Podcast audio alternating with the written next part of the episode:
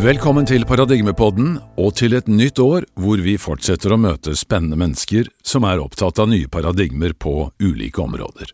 Mitt navn er Terje Toftenes. Temaene vi utforsker her, vil fortsatt berøre denne underlige reisen vi alle er med på, som kalles livet.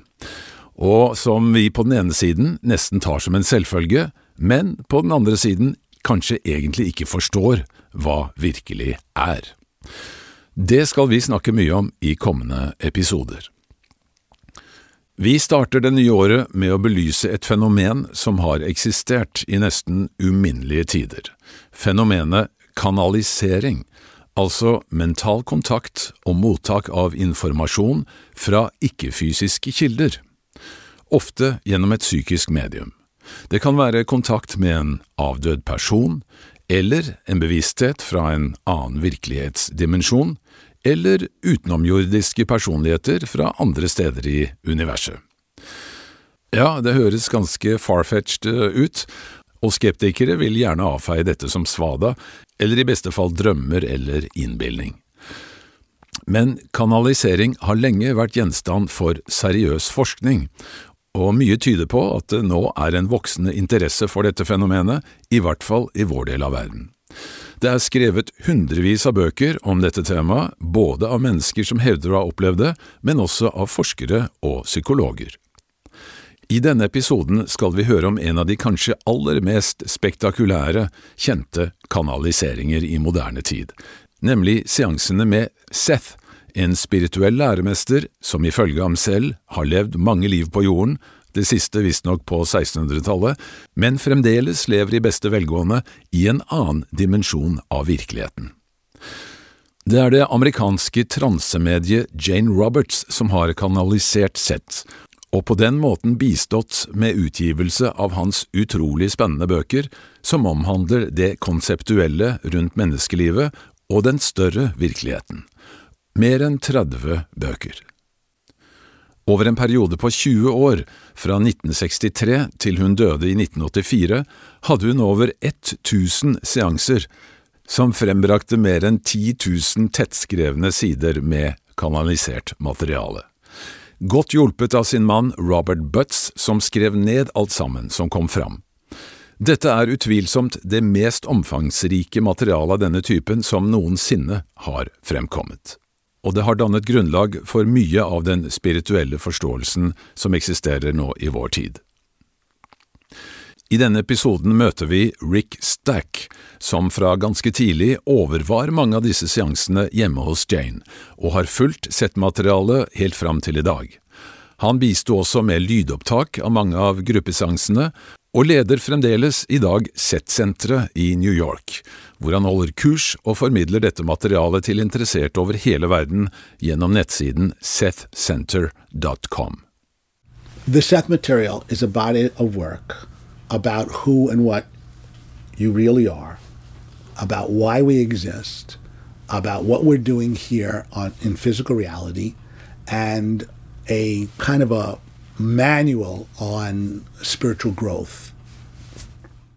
Det er nettopp dette som har gjort dette materialet så interessant, for her kommer altså svar på de sentrale eksistensielle spørsmål, og mye, mye mer, med en tyngde og dybde som virkelig gir materialet høy kredibilitet, i hvert fall for de som har et åpent sinn.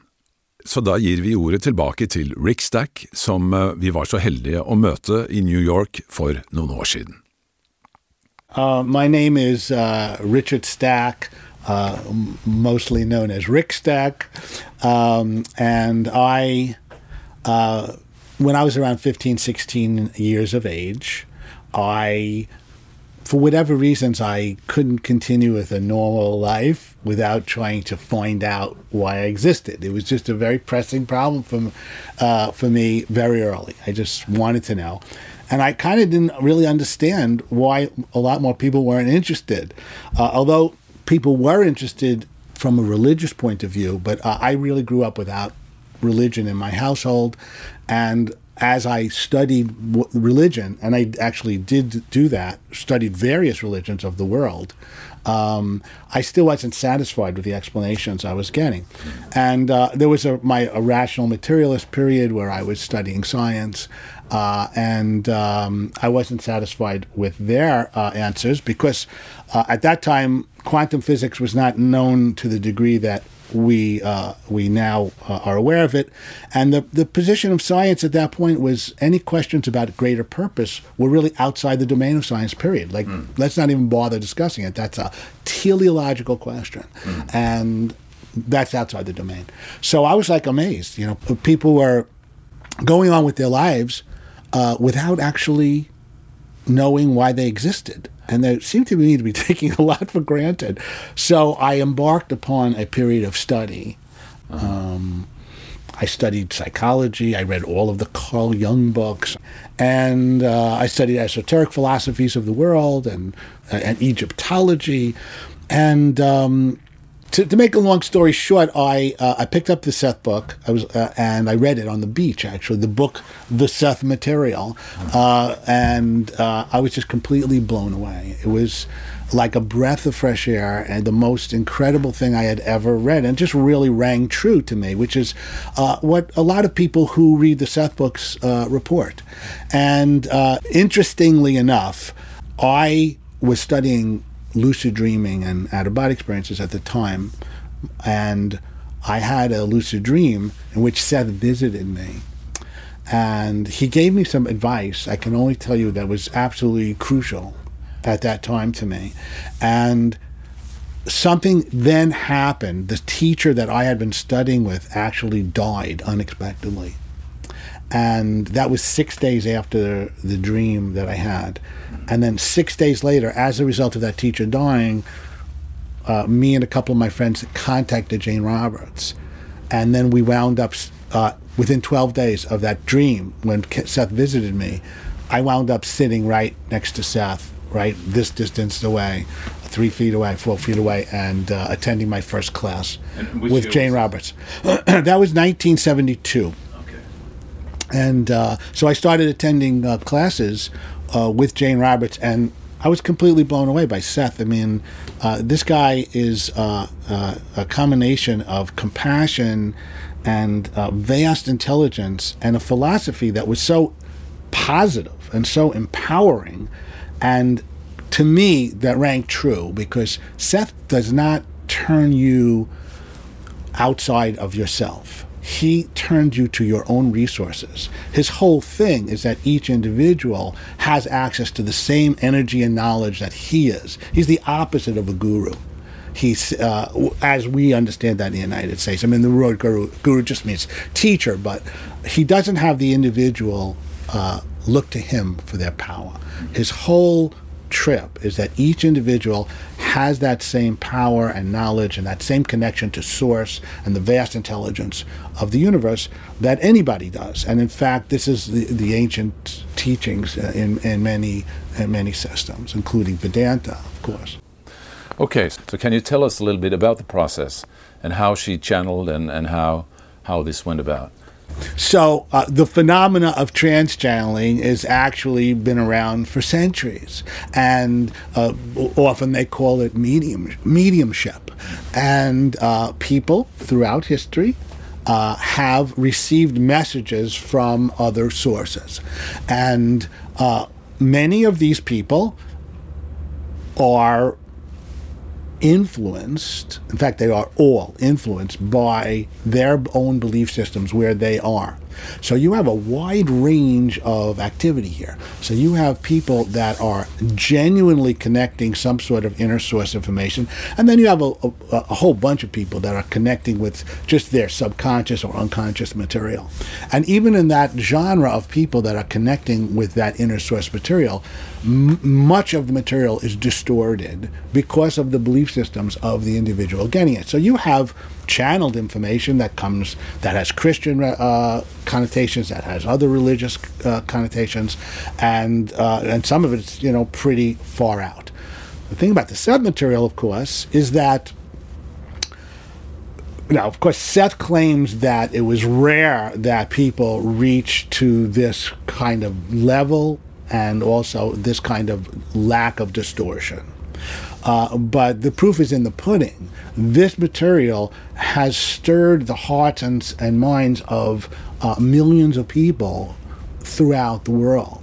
The books have been translated in over 11 languages, and um, the quality of the material itself was such that it launched the New Age movement, and many many people will will say that. Uh, that was 30 years ago, whatever it was. And he Seth is the is the uh, the individual that coined the phrase "you create your own reality." he's never claimed that that's his. Uh, this knowledge has been given throughout the centuries. You know. Okay, but uh, can you describe actually how she? Um, more like physically, what happened when she went into the trance and I mean, did her voice change? yeah, it did when she went into trance. It was really very natural. It was a little funny, you know, the first time I saw it, because I had already read the books. We were all in the class, Jane was talking, and really the next moment Seth was there. I didn't even know that the transition had happened until I saw everybody staring at Jane and heard the voice. Now, afterward, I got to, you know, watch Seth and see this change. And really, Jane would just, you know, close her eyes, get quiet for a moment, and then open her eyes, and pow, Seth was there. There's no big deal. There was no seance. There was no lights, you know, ch- going off, uh, changing. Uh, they didn't dim the lights. And there two very three m- major differences. One, the voice changed. There was definitely a different voice, a completely uh, different tone. Uh, uh, two, the facial characteristics definitely changed. She looked different. And uh, three, uh, he took her glasses off. He claimed he didn't, you know, this is bizarre. He claimed he didn't need her glasses. Uh, he was able to use the eyes better, which is pretty cool. Uh, and there is a fourth, of course, is that uh, the tr- there was a completely different personality there. But it wasn't just, you know, uh, just another personality. It was a personality with tremendous compassion, knowledge, wisdom, uh, and psychic abilities. Actually, this, uh, this Seth has demonstrated on many occasions uh, that the ability to see things from a distance and you know this kind of thing.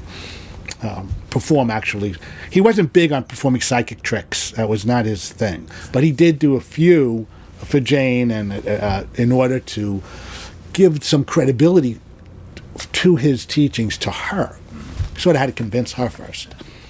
Vi stopper litt her for å høre hvordan dette hørtes ut mens seansene foregikk, men først et klipp fra et gammelt TV-intervju gjort med Jane på 60-tallet, med hennes normale stemme.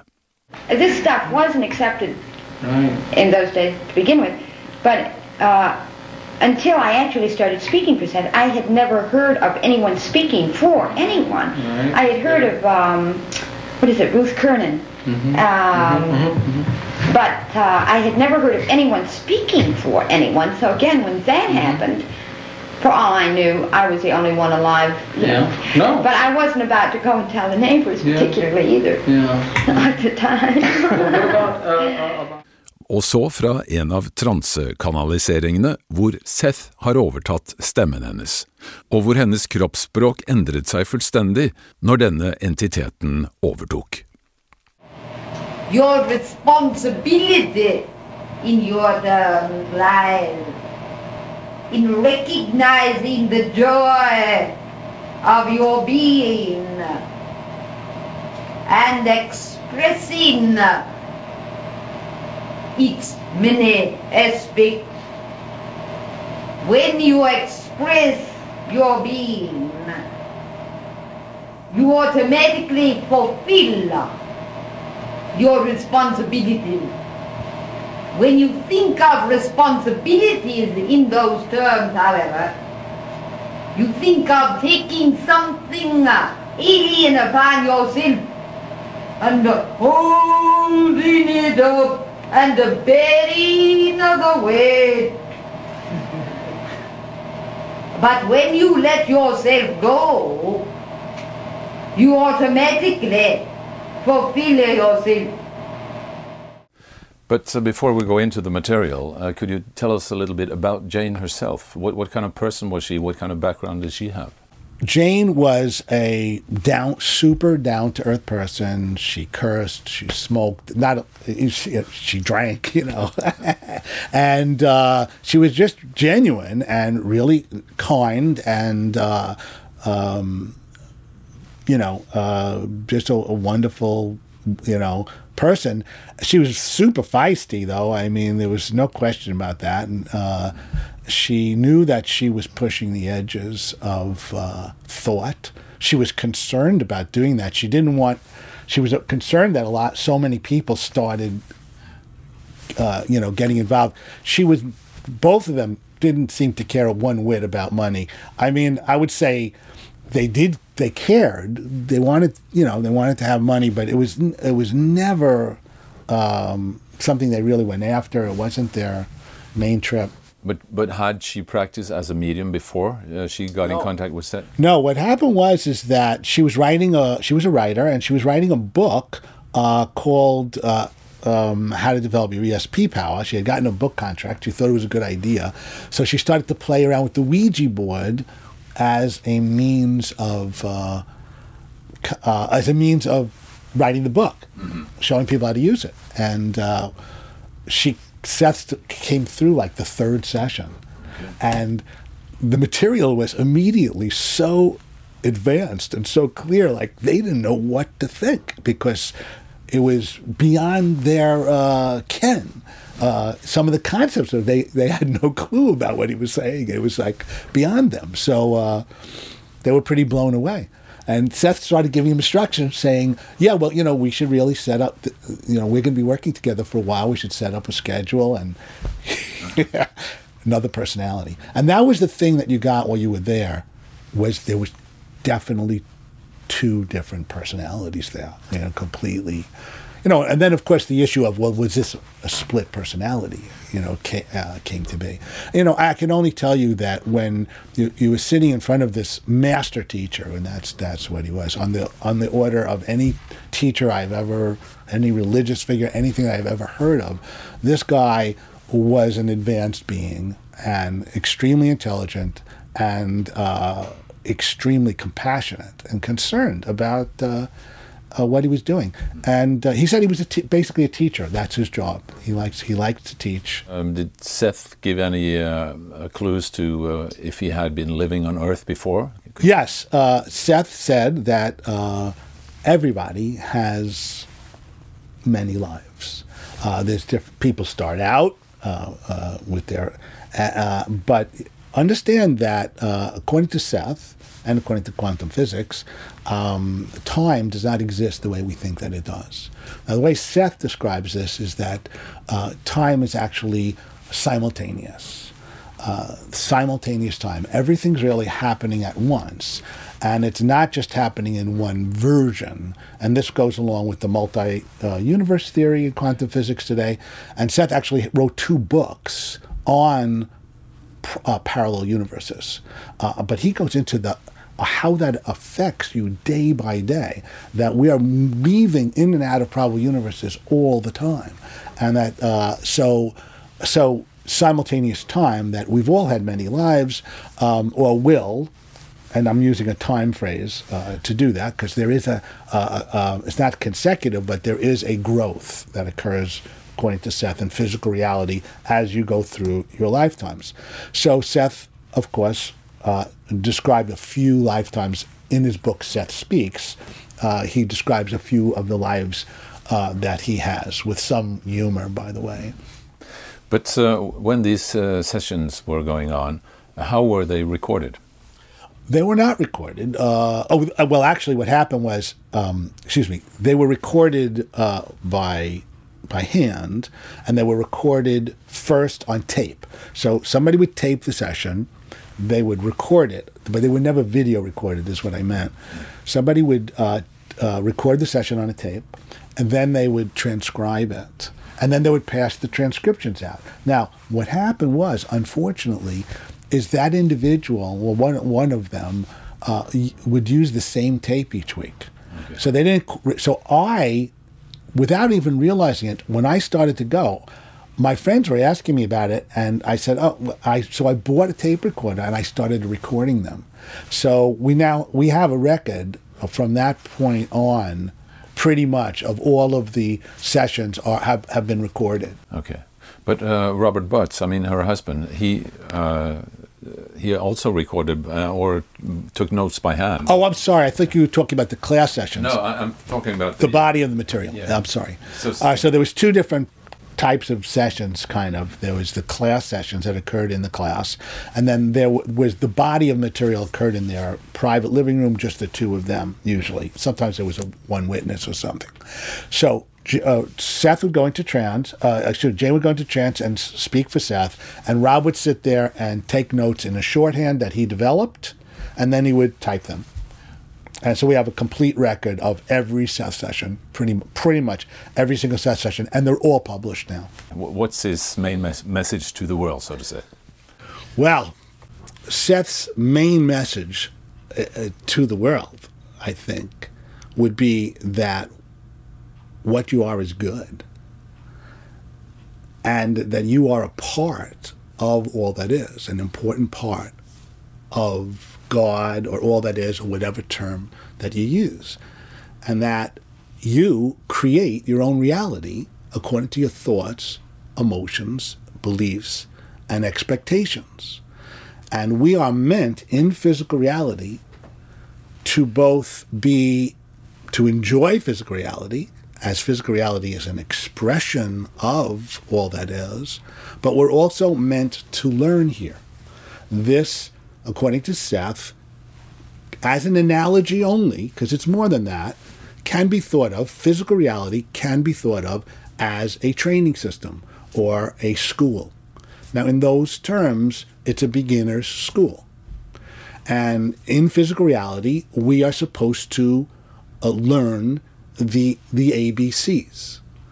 Uh, and one of the last lessons to be learned is the positive desire for creativity and love over destruction and hatred. And we're also supposed to learn to be artful and skillful in the act of creation. And that skill involves our palate. And our palate, first, is psychological, not physical. Our palate is thoughts, emotions, beliefs, imagination, and expectation. Through those, through learning how to handle those, we are learning how to handle energy. Now, for Seth, this has always been a twofold path. One, learning how to manipulate thoughts, emotions, and beliefs, be a master of your own mind. And the other is really the ancient, uh, the ancient concept of joining with the higher self, joining with the soul, where the ego transforms.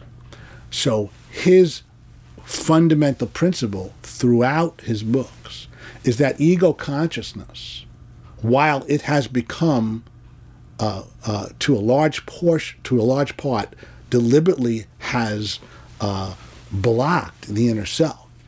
That the ego consciousness, however, was an important development, and that, uh, uh, but that we forgot our home in order to return to it enriched, so that we, the ego consciousness, and our development here, we're supposed to learn things on a conscious level that the animals, for example, know intuitively. So we're supposed to learn the deep respect for nature and the deep abiding uh, uh, wisdom that you might feel or sense in animals. We're supposed to learn that on a conscious basis.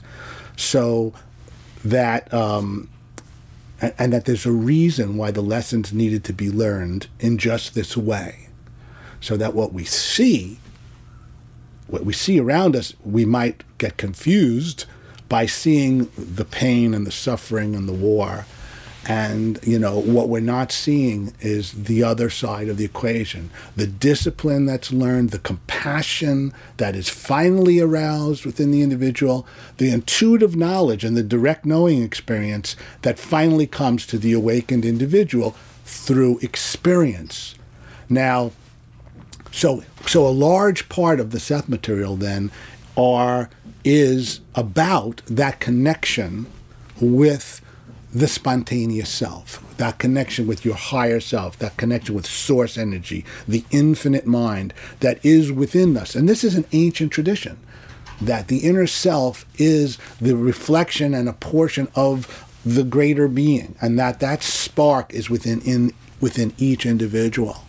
So that's what the Seth material is about: a reconnection with the soul, which is actually an expansion and a growth on the part of the ego consciousness also, which now becomes a willing partner with the soul and lets the soul be- incorporate itself into the ego because the ego was never separate. It just thought it was separate. But of course, it can't be separate because it's a portion of all that is and a portion of the soul. Ah, that's a very beautiful way of putting it. The, the, the soul cannot, according to Seth, the soul cannot um, uh, cannot ex- experience physical reality and get its benefits without materializing a portion of itself within it. Once it's materialized a portion of itself within it, it's up to the three dimensional self to then actualize itself out of the system by awakening. That spiritual awakening is not only a magnificent act on the part and a wonderful experience on the part of that self and uh, uh, of the physical self, but it also raises the bar of understanding and experience and achievement on the part of the soul and all that is. Every time an individual experiences anything, all that is is experiencing that. That's new. So it's getting a new slant on everything just by being you. And so is the soul. And then when you grow and develop, and you're, you're raising the bar for everyone, and including your soul. That's the concept, of course, is that all that is is always expanding, and this is this is one uh, version of that. Uh, uh, uh, we are one flower on the uh, you know in the garden of of God, and but each flower is magnificent, and each flower is important, and even those people that we see that are lost or or violent or whatever, these people will learn. They will be. They will learn because every soul, any soul, will learn sooner or later. And if you're violent, the violence will come back to you, and sooner or later you're going to learn. But how would you uh, how would you define uh, the soul compared to the, the, the all that is, the larger picture? Well, first of all, Seth goes to great lengths to try to explain some of these terms, but he always prefaces it by saying that there are no divisions to the self. And these are arbitrary divisions that I'm trying, they're making just for the sake of understanding. And actually, there's no place where the where the ego ends and the inner self begins, and there's no uh, place where the the inner self ends and the larger entity, which we'll go into, uh, begins. And there's no place where one entity actually ends and another entity doesn't begin. And uh, we're all connected, and really we're all one. And yet, each individual is totally precious. Um, in Seth's view, he said uh, God loves individuals, or he wouldn't have made that many. So he talks about an architecture of the of the self, and roughly speaking, you have the three-dimensional personality, which actually is all of your incarnational selves. But let's talk about the ego consciousness for a moment. And so you have an ego consciousness, the, the you that you know, and then you have an inner self. And according to Seth, that inner self is like a messenger between you and your greater soul. There's kind of like nested identity. So he he uh, hypothesizes what he would call an um, uh, and I'm I'm giving it a, a little bit simplified right now the entity. So the entity uh, would be composed of souls. You might think of it that way. So there's a larger self, that larger entity that's composed of souls.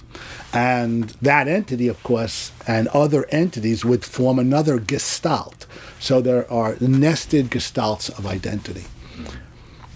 But for all practical purposes, all we need to know is that we have connection to our own soul and we can we can access the infinite to whatever degree possible right now, here and now. And it's not a matter of, you don't have to go through many lifetimes.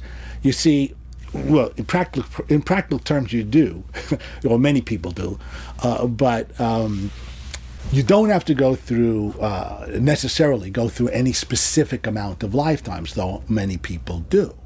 Uh, but since there is no time, you see, these realizations can come in a twinkling. So it has nothing to do with time. It really has to do with, with growth and value fulfillment and when you're ready. So there's nothing stopping anyone from from realizing that they have knowledge within and using meditation practices, or uh, Seth has his own form of med- meditation, which he calls psychological time, uh, which is really a, an inner sense. And using psychological time and the inner sense, that inner sense, that's a direct, it's really a pathway to inner reality. And if you practice, it's similar to a meditation technique. Uh, it's kind of a, a, medita- a meditation technique where you're deliberately quieting your mind and looking actively for for for a direct connection, uh, and and uh, to your inner self, but also for any other types of experiences that you might have, including, for example, um, getting information from a reincarnational self or connecting with another pro- parallel universe, which is going on all the time in the dream state anyway. And Seth is very, very big on using the dream state and lucid dreaming as uh, an important method of spiritual growth. Uh, that's very good. That's very good.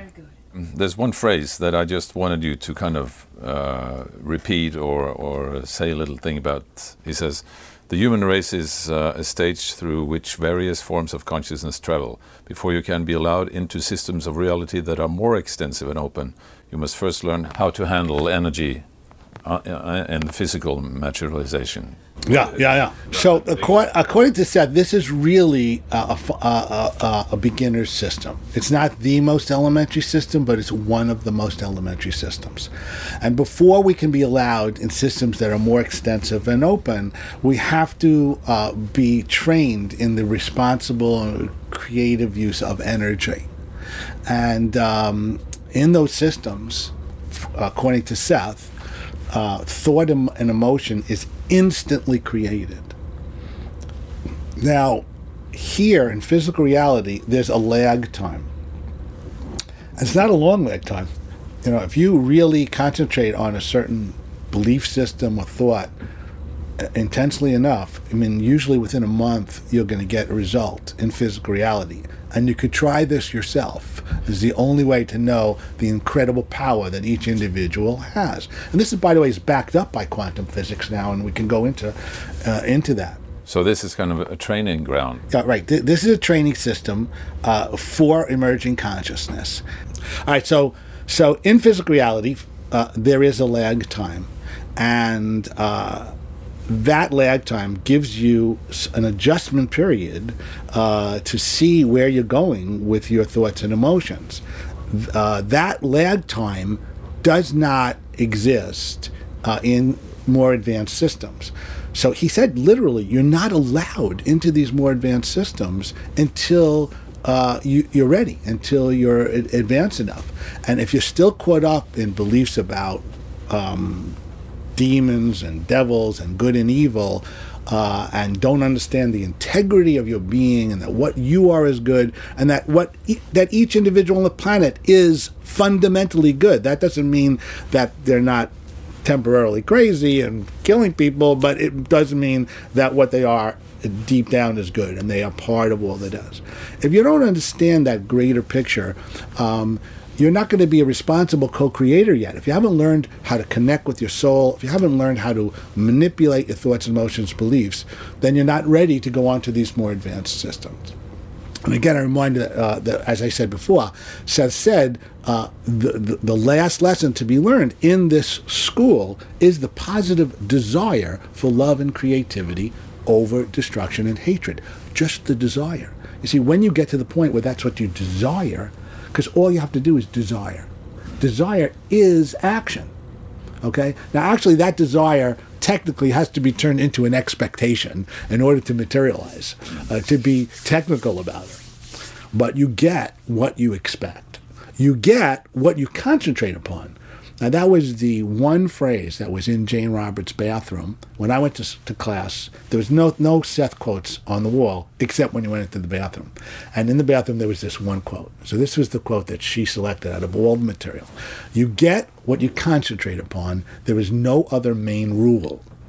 There's no other main rule. Whatever you concentrate upon. That's how powerful your mind is, each individual's mind. Now, science is backing this up now because the the the uh, the research, and you probably came across some of this in your in your work.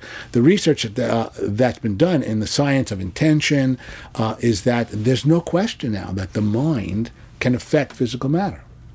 And they've demonstrated, for example, um, that people can think positive thoughts or pray for somebody remotely and help to heal them. Uh, they have demonstrated that healers, when thinking about uh, uh, uh, others, emit light from their DNA. Now, everybody, all DNA emits light. That's a known fact in science at a very low level. But when these individuals were uh, observed while they were thinking thoughts of healing, these I think were Reiki healers, then a greater concentration of light started to emit from uh, their DNA. Now, what that shows is that just by thinking, you see, you can affect physical reality or uh, quant- uh, uh random event generators. They've done work with random event generators, and simply by a mind thinking, trying to influence a random event generator, for example, on a computer screen, uh, they would have one image, let's say, uh, you know, red or blue, and if you tried to concentrate on red, and make the random uh, uh, event generator uh, have more red than blue when it should have been 50 50. That's a random event generator. The average person, the average person can affect that random event generator. So your mind, there's no question, your mind is, it not only can, but is affecting matter all the time. Seth is going beyond that. He is saying you create your reality totally there is no such thing as an accident. If whatever happens in your life, ha- you have act in some way drawn that into your life as a direct reflection of your psyche. What is within is then without. Now, I know that in, if you're a, mater- a rational materialist, this can sound absolutely crazy. I can only tell you that on the quantum level now, what they're discovering not only uh, you not only is backing up uh, some of these metaphysical statements, but you can prove it for yourself. Mm. And in fact, it's the only the only way to really do this stuff is to prove it to yourself, because ultimately you cannot get knowledge or wisdom from a book or from anybody else. That doesn't mean you shouldn't read books and gain intellectual knowledge, but ultimately all knowledge is experience and direct direct knowing. And that is the only way to get it, but it's ridiculous to assume that you can't understand yourself in the universe. You can. And I invite you, I invite your li- the listeners of this to to go on that adventure because uh, it's an adventure that is just extraordinary to discover the miracle of our being because we are truly children of God, children of all that is, and all of the knowledge and power of God is within us. wow, ah, this is this is absolutely beautiful. um, this kind of brings up us um, to uh, another question, and that's you know, will I survive after death, and and what happens to us after death? You know, everybody is concerned about that in some way or, or another. Okay, and um, well, you know, what do you think? You think that this is all just for nothing? Do you think that this the, the, the incredible miracle of, of, of existence uh, just happened by accident? What does your gut tell you? Does your gut tell you that, that you're going to survive death? Because, uh, but in any case, uh, Seth of course, who is dead already, is going to tell you that uh, that you will survive death. And uh, there is uh, some evidence for this in scientific research, of course, um, but you can get your own evidence, which is really uh, the best way. Uh, some of the best evidence for for um, for the afterlife uh, is um, the child case, the child cases of uh, of children. Uh, Ian Stevenson did a lot of work on this, and uh, children who remember past lives. Uh, they're, they're generally under five years old, and they tell their parents incessantly about some lifetime that they think they lived 40, 50 years ago. those are the ones that we hear about, and these children were able to comp- describe to like down to the letter entire lifetimes that 500 miles away 400 miles away that they couldn't conceivably have known about. Uh, and uh, but uh, and of course you have many anecdotal reports of people communicating with people after they die who give them information that they couldn't have possibly known. But aside from that the best way to get evidence uh, in my opinion, of, of this is to have an out of body experience. And uh, the out of body experience, uh, generally about uh, 15%, at least 15% of the general population, will have at least one out of body experience before they die. Uh, but that generally uh, occurs half of them at least, you know, in hospital rooms under tremendous stress, and others occur um, you know, when people are meditating or relaxing. Um, but generally, most of them, people, most of just a one-time experience, and they go, "Yeah, you know, I, I think I was out of my body." This is an art form you can practice the art of uh, leaving your body physically, and you can also practice lucid dreaming. Uh, I'm going to make the distinction uh, that uh, Seth would say there's really not much distinction. A lucid dream is a form of out of body experience, but when you think about out of body experiences, usually think about floating around in your bedroom or something, or in the hospital room. And uh, the fact of the matter is, that's a certain type of out of body experience, and you can induce it you can make it happen as part of your spiritual practice. And the value of the out of body experience and lucid dreaming are tremendous. First of all, you can go out of body uh, and have the, the kind of out of body where you're in physical reality. You could float out of your body uh, in your bedroom, you could fly around your neighborhood. And I can only tell you if you do that in a full blown out of body, it feels completely as real as this. I mean, no difference. I mean, actually you feel more alive. Okay. And when that happens, it gives you a certain kind of evidence. You just know, and that's what people say actually. People who have had vivid out of body experiences in a study done, uh, they said that they no longer, the majority of them said that they no longer believe in death after having the experience. And they said it wasn't an intellectual understanding. This is, it was just, they just knew.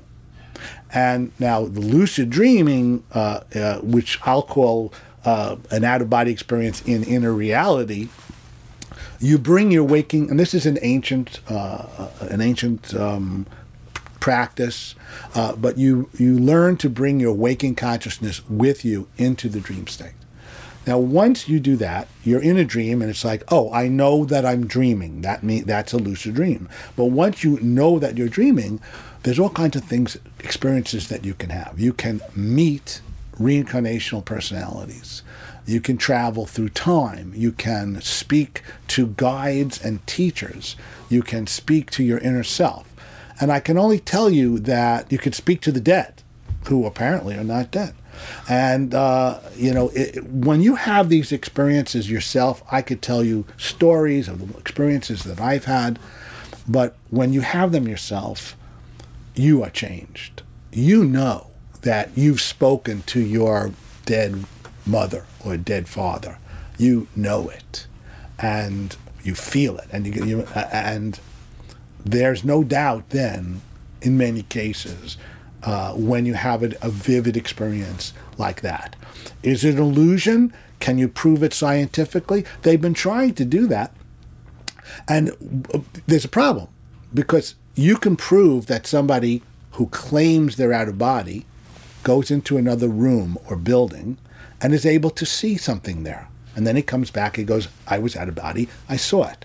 He describes it, it's accurate. But then it, people say, well, that's just you know just remote viewing or just uh, uh, a, a psychic ability doesn't prove you're out. They're right. It doesn't prove you're out. They've tried to put sensor plates there. And yes, there's been some studies that have indicated that the sensor plates vibrate more when the person said that they were able to see, things and they were able to see things clearly. But it's very difficult to prove an out of body experience. So I don't recommend people really um, uh, worry too much about that. I think that the studies should should continue, but because it's much easier to just have it yourself, and once you have it, you'll be blown away. Now, spontaneity is a major principle of the Seth material, and what really what's the, the Seth material is about is an awakening, a spiritual growth. And he describes this awakening and spiritual growth in, in, with several terms. He calls it the higher intellect, sometimes he calls it the spacious mind, and sometimes he calls it uh, um, a re education. Um, uh, sometimes he calls it the magical approach, is a, a way of, of accessing this. But according to Seth, that is the actualization that the physical personality must make. It's, it's the actualization that the physical personality uh, is here to do, to awaken.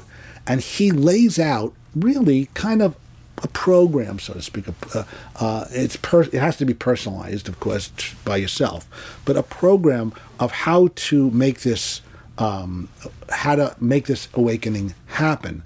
And he describes triggers, several triggers that trigger the higher intellect. Now, one of those triggers is an emotional understanding that you create your reality. It's not just an intellectual theory.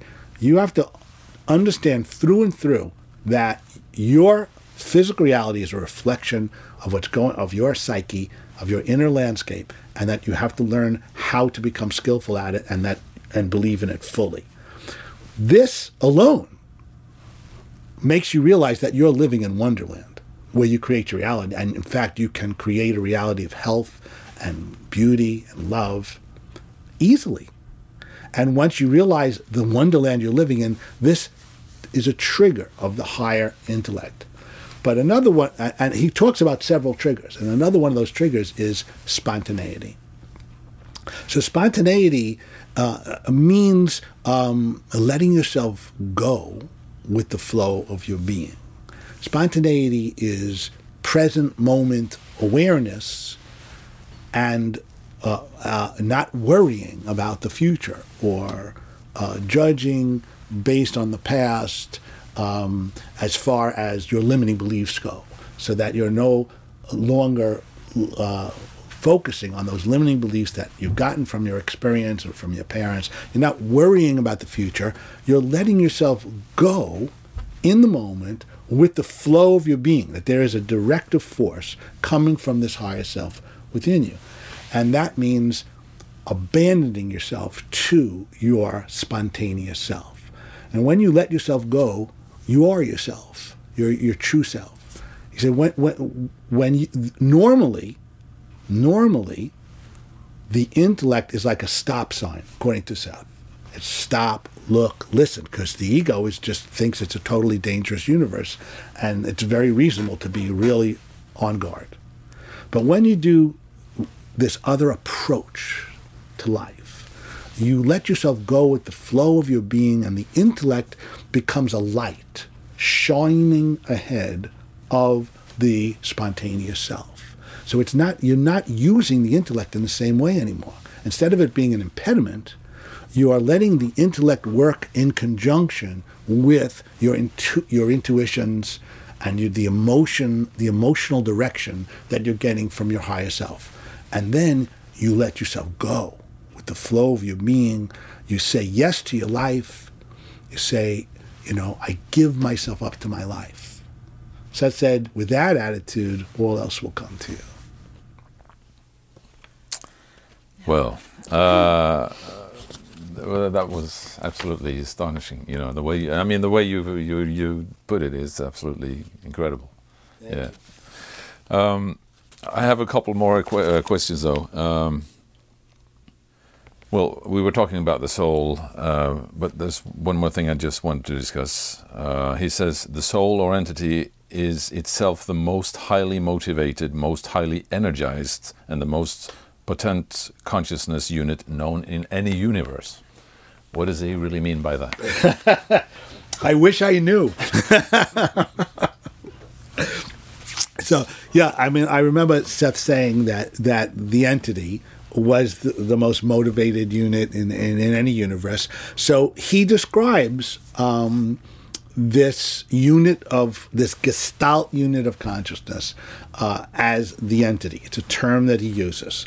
So the entity is living its life through its souls, and its souls have selves. So he's saying there's kind of this hierarchy, but yet there's no real divisions. And uh, the inner self, for example, which is a messenger between the physical self and the entity, the inner self is aware that it's an individual, but it also is aware that it's part of the entity and part of God. We, on the other hand, in physical reality, often uh, f- uh, feel ourselves, feel that we're separate from our inner self and our uh, and all that is. We need to remedy that situation. Uh, again, it was part of the equation at an early stage. Uh, as uh, again, Seth said that we forget our home in order to return to it enriched. But now it's time uh, for the ego consciousness to become an enlightened ego, for the ego consciousness to let the higher self in and to start operating from the with and from the goals of the higher self, uh, not just egotistical goals. It's extraordinarily important that we do this at this phase in our history, because without that direction, and with the ego continuing on this, uh, uh, continuing to uh, remain divorced from the inner self, not listening to the inner self, and along with the beliefs of the official line of consciousness, uh, we're going to continue to get in trouble on the planet. And we need to wake up. Now, let me just talk for a moment about the official line of consciousness, okay? So, the way Seth describes sort of the awakening that has to occur is that there was a stage that we went through, which he calls the official line of consciousness. Now, that stage had its educational opportunities, but there comes a point where we have to leave it. That stage also has a whole bunch of limiting belief systems associated with it. Now, those limiting beliefs include the belief that we don't create our reality, we don't have any power. Things happen just by accident, anything can happen to us. It's a dangerous world. So we have no power. Or, or God did it, but I don't have any power. Those are the beliefs of the official line of consciousness. I don't have power. Also, what, what I am is, is no good. Either either uh, I was born in sin, or from ta- uh, from the religious point of view, I'm a tainted, flawed human being, or from the, the scientific point of view, the old science, I evolved from the apes, and the only thing I care about is my survival survival of the fittest. That's what drives me. Not love, not creativity, not spiritual growth. No, this is a mechanistic universe that happened by accident. I am an accident, and I came to be through through uh, natural selection. And deep down, all I care, I'm driven by is survival. So, therefore, the human race can't be trusted. And hey, no matter how nice I think I am, I'm part of the human race, so I can't really trust myself. I can't even trust my family because they're human beings still. So the bottom line is, is these are underlying beliefs that most people aren't aware that they're walking around with. That they have a mistrust. They're not even aware of the mistrust that they have. So this is the official line of consciousness throughout the world. I have no power over events. What I am is tainted and flawed, and the universe is not safe. Look at all the dangers that are around. I could get a disease accidentally. I could get a bomb drop me accidentally. I, some, all of the accidental things that, that could happen to me. Or maybe I'm just going to get punished by God for, for being sinful. These are the beliefs of the world.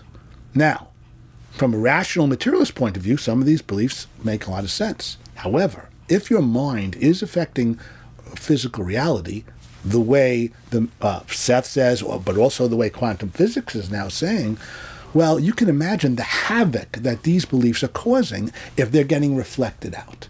If you don't believe in your worth, if you believe that you should be punished, if you project that evil that you think is within you onto other human beings, you're never going to trust anybody else. Then you have nations behaving in this fashion, of course. You have an entire world, the economic, the economies, the governments, our educational systems are all based on these beliefs. Natural selection, the, the human being needs to be civilized because fundamentally we came from the animals. Let's let's face it. We don't create our reality. We have no power. You better be careful. You better live your life carefully. You better have a stance of caution all the time. And no, the universe is not safe. Let's be practical. Okay? You see the reflection of those beliefs in the world. The belief that human nature can't be trusted. The human that that human nature, if you let it go, will only lead to more chaos and more greed and the lust of the, and greed of the human being. These are undercurrents. Many people don't even know that there's an undercurrent that this is what they have these beliefs uh, uh, underneath. Okay, so Seth is saying we have to shift our base of operation, and this is an emotional, intuitive shift. So your base of operation gets shifted from there to a new frame of operating, and that frame of operating is the higher intellect. You tune in to your soul. You tune into the higher intellect through meditation practices like psych- psychological time or other meditation practices, through dream work, through learning to listen to the voice of the inner self through the day through learning to tune into to trust your own impulses, your communications that come from the inner self. And then you change to a different belief framework. What I am is not evil. In fact, what I am is good. I am a God in training. I am part of all that is. I am an important part of all that is. Because your beliefs affect your reality so strongly, when you change from that belief alone, you're already transforming your life. I don't have to be afraid of dangers of all kind. This doesn't mean I shouldn't be reasonable about taking reasonable precautions. However, I can safely believe that I create my reality. Well, let's put it this way I choose to believe that I create my own reality because my intuitions and intellect have led to that. My intuitions, my I'm talking personally, okay. But tr- when you try that belief on for size and you experiment with it, you will discover that you are an immensely powerful being and that you do create your reality. And finally, you understand the universe, despite what it appears to be, is safe. You are protected. You are protected by all that is. You have the power to create a reality of safety no matter what. And you just won't, if there's a building that's going to be bombed, you just won't be in the building at that particular time. And there's all kinds of stories about people who didn't show up at the, this disaster and that disaster and why they got turned around. And if you are ill, if you have an illness, you can heal it within reason. I'm not saying that, you know, but within reason. Uh, if you look at the Institute of Noetic Sciences, for example, they keep a, a um, material on diseases that have been spontaneously cured. And almost every disease known to man has had a spontaneous remission. Seth says that all disease, both mental and physical, is a reflection of an inner problem, an inner uh, blockage uh, of, of limiting belief systems. And you ch- to solve the to solve the disease, you solve the inner problem. And when you do, your immune system will kick back into effect and heal just about anything. Again, within within reason. Fantastic. ah, we're talking about the reason why, why, why all the suffering, the reason why uh, we have the uh, a growing environmental problem and all that. Uh, I mean, it, in a way, you've answered it already, but uh, Well, again, why is the Earth at this juncture where people are having so many, much problems? And I would say that fundamentally, uh, the problem of the planet is a spiritual awareness one. Uh, people are at a certain level of spiritual uh, development, and th- there's certain lacks of spiritual uh, awareness and development that would allow uh, the planet to get into the shape that it's in now. And yeah, I think it's really uh, uh, uh, when we see fisheries being depleted and when we see um, a, uh, a, lack of water uh, in certain places because of overpopulation, and we see 80% uh, of the planet is living on $10 a day or less, this is a problem for all of us. And it's a reflection of the lack of spiritual growth of the planet. And it's just not as simple as, um, oh, well, we're okay on this side of the world so we have nothing to do with that side of the world.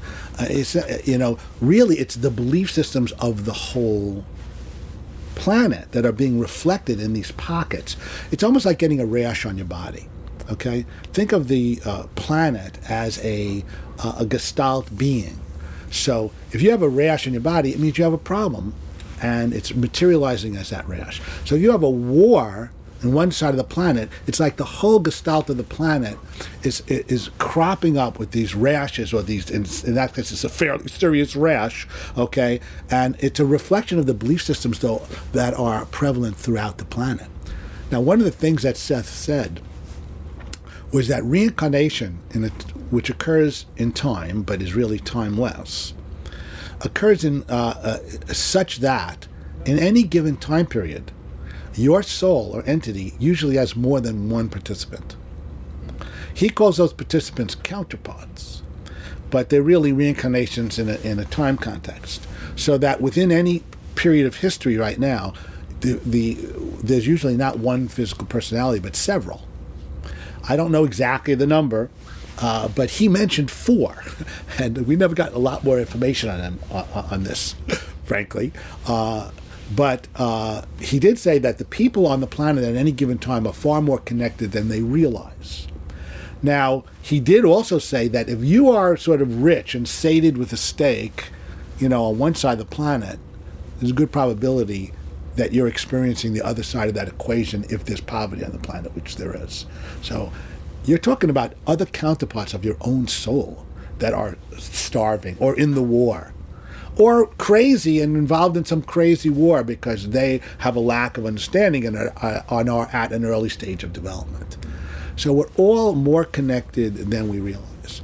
And the world really does need, right now, spiritual knowledge. It really needs to wake up. And yeah, I believe that there is a, indeed a sense of urgency. But there is no benefit in hating war or fearing what's going on on the other side of the planet. Then you just feed into it. You have to come from a place of strength where you underst- where you grow yourself spiritually, where you understand that you have the power to create a reality of safety, and then you extend yourself in whatever way is spontaneous for you to try to contribute to awake, awakening others. Ah, it's great. Does Seth say anything about where the uh, human race originally comes from? Um, I mean, this is where we get into some spooky stuff in the Seth material, um, because uh, again, you know, the general principle, of course, uh, was that um, evolution didn't occur the way we think it did because all time is simultaneous. So that's first of all. So creation itself, the way he's describing it, is different since everything is happening uh, at once. And uh, he does describe more or less uh, um, that things got materialized simultaneously. That not that there wasn't evolution, but that that evolution certainly did not occur without guiding intelligence, and uh, that it again happened not in a time context that we're familiar with. Um, I think I'm going to leave it at that. But okay. okay. Um, so uh, and and what about? I mean, animals. Uh, I guess he says that animals also have souls, of course.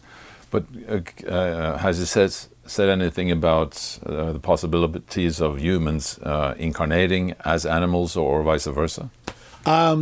You know, I recently read something in the Seth material where he talked about uh, an animal uh, uh, uh, that could could later uh, be a human being, and also he's talked about himself sending a fragment of himself as a dog.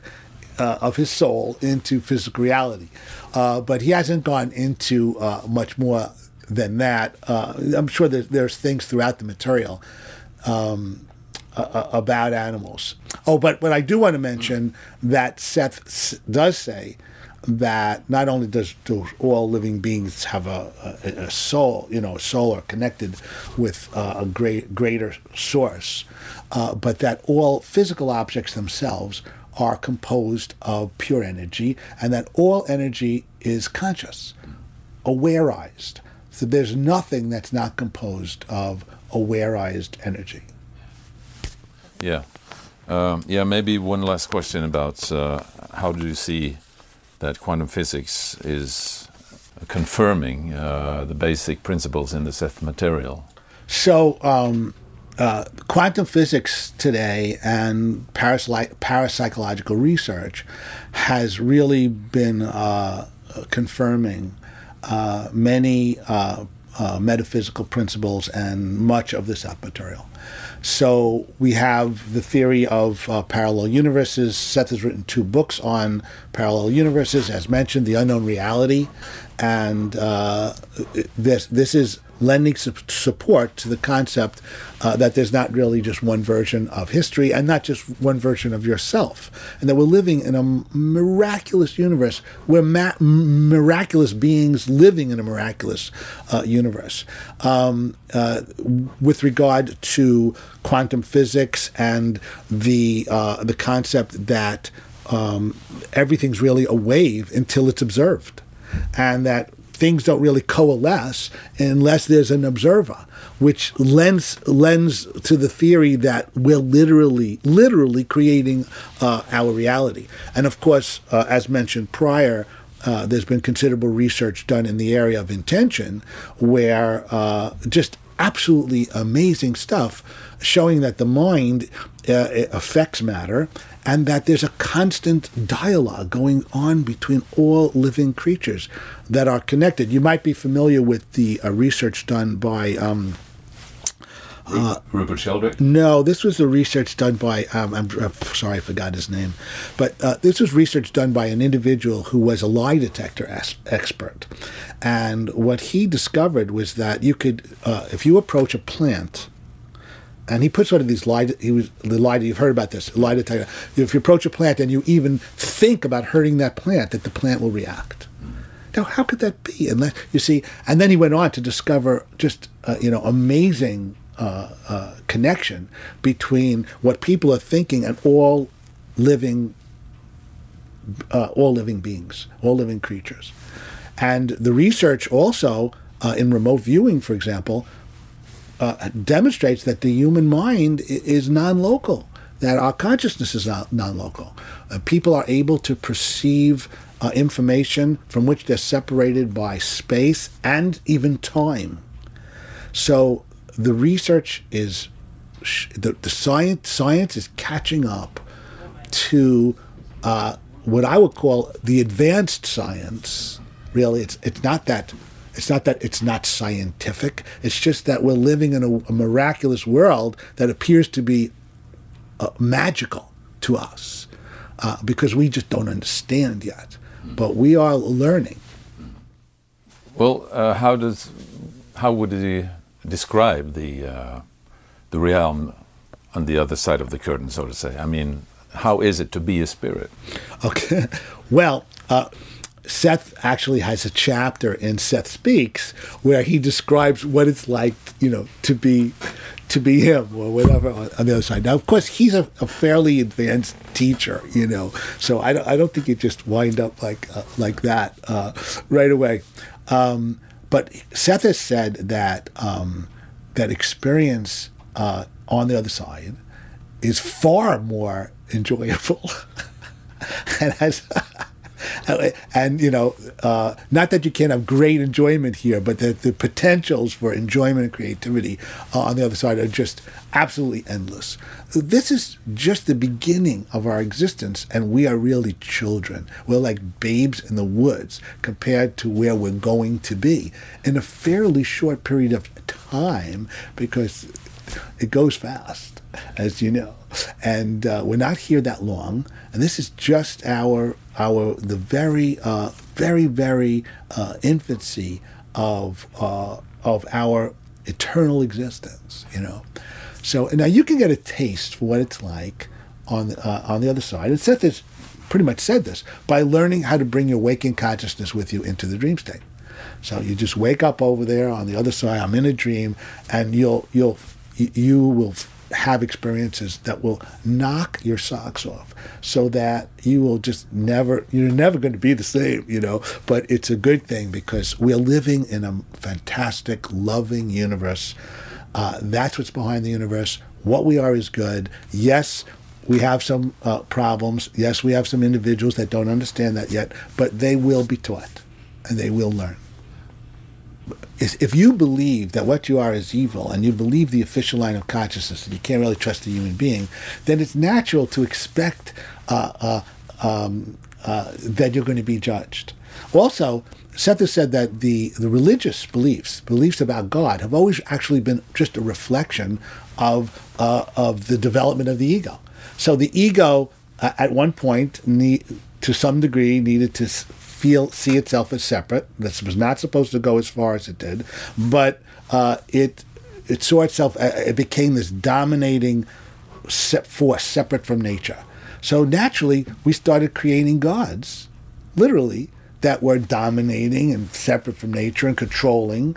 And the, our concepts of God are really just a reflection of the development of the ego uh, and where we are. So naturally, if you're still caught up in that frame, you think that God's going to be pissed off when you die, you know, because you don't really believe that what you are is good, and you, there's so so many people routinely repress thoughts and emotions, and beliefs, deny their natural feelings because they don't believe deep down that what they are is good, and they're carrying around a guilt that they're not even aware of, and so they're afraid that when they die, they're they're going to get judged. We are our own judges, and we are judging ourselves way too harshly. And according to Seth, for example, this is one of the things he said to us in class. He said, You have to allow yourself parole. You have been your own jurors. You gotta you have to really understand the integrity and joy and magic of your being. You have to really understand that what you are is good through and through. 100% good, 100% God stuff. That's what you are.